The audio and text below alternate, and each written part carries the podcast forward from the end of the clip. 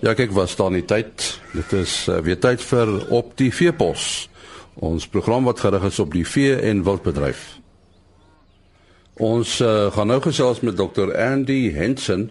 Uh, Dr. Henson is 'n voerkraal spesialis en ons gaan 'n bietjie met uh, met hom praat oor uh, oor vlugsones van diere en lae stres hantering van beeste.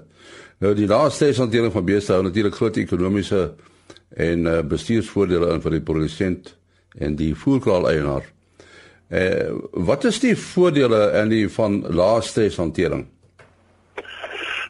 En nie die die stres is ons grootste ewel as dit kom by produksie van van vleis um, of melk ook, maar ek sal maar meer op vleisbeeste spesifiseer. En in die voedkale waar ons intensifiseer, is stres die grootste faktor wat siektes veroorsaak. As die diere siek is, gaan hulle obviously nie kan produseer nie. Daar's mos ook navorsing gedoen as diere stres dan produseer hulle swakker. So hierdie klugsones, as ons dit verstaan en ons hanteer dit op die regte manier, kan al daai stres verminder word en op 'n manier spreek ons een van ons grootste nadelige faktore in intensiewe beesproduksie positief aan. Bedoelende ons kry beter gesondheid, ons kry beter produksie. Nou daar is al gesê dat musiek, uh, barok musiek ook uh, stres in diere verlaag. Uh, weet jy daarvan? Ek weet daarvan nie, nie. Dit is maar hier en daar wat dit ehm um, waar mense van dit praat, maar vir my persoonlik is daar nog nie genoeg permanente en goeie studies opgedoen. So ek ek weet nie dit is nie so nie.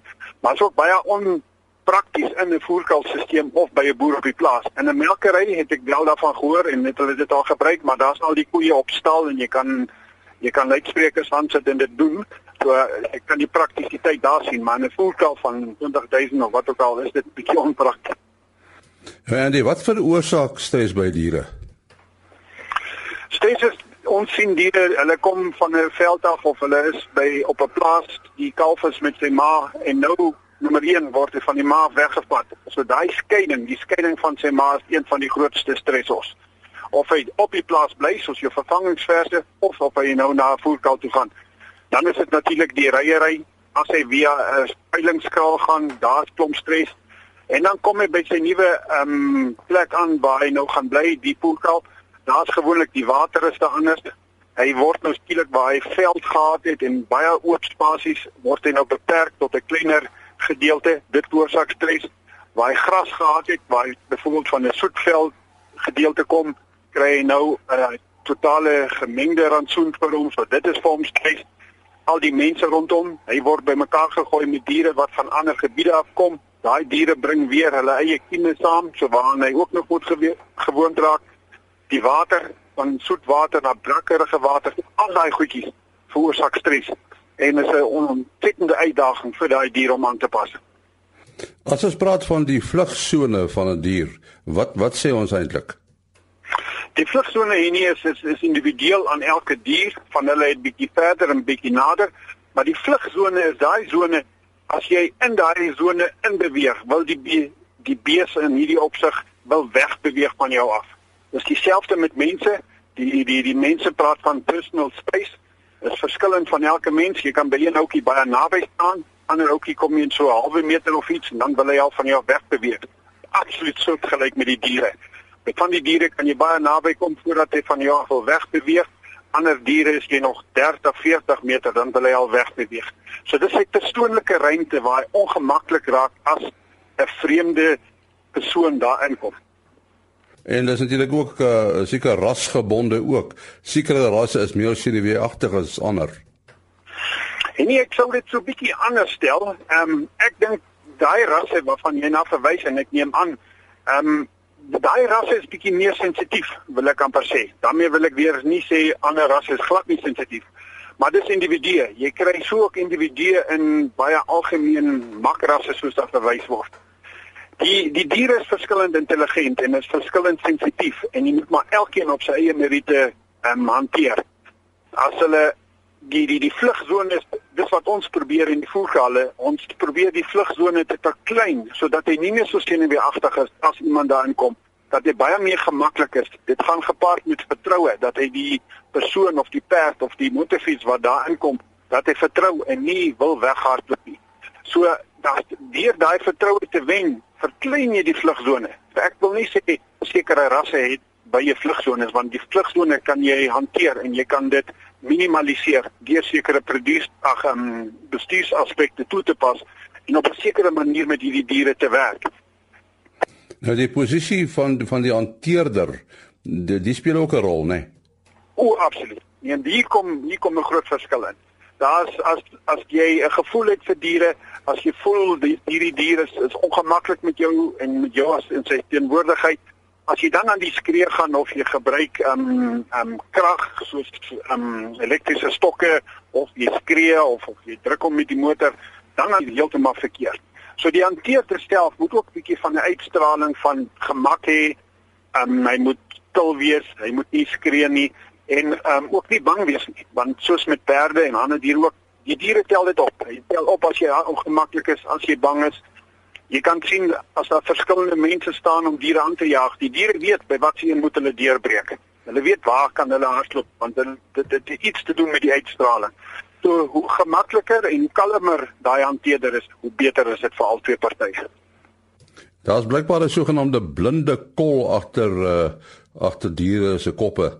Uh as 'n mens nou diere aanjaag in 'n spesifieke rigting, hoe hoe beïnvloed hierdie hierdie kol hierdie aanjagproses?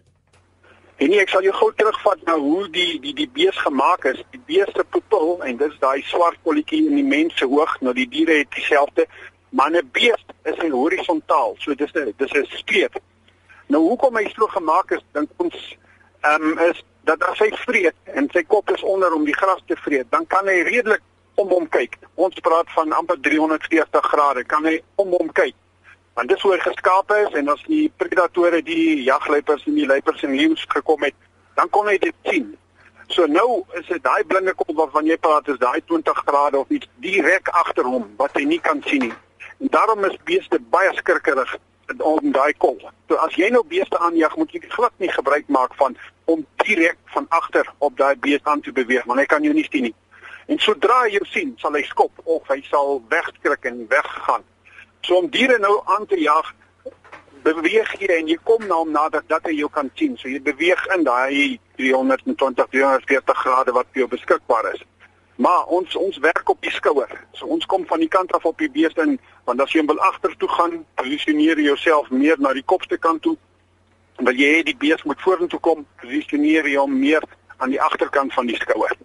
So jy gebruik daai visie van hom en hoe hy gemaak is en die benadering tot die dier om dat hy van jou af kan wegbeweeg want dit is ook wat stres verlaag. As jy 'n die dier in 'n hoek druk, maak nie saak wie en wat nie, gaan dan later na jou toe veg.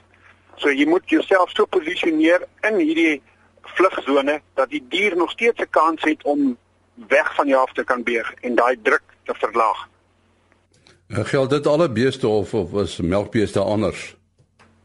Nee, dit is melkbeeste is presies dieselfde, maar wat jy daar sien is van wat hulle klein kalvers is word hulle al gehanteer. Van wat hulle klein kalvers is kry hulle al die gemak met die hanteerder. So hulle vlugsone is, is ontsettend klein.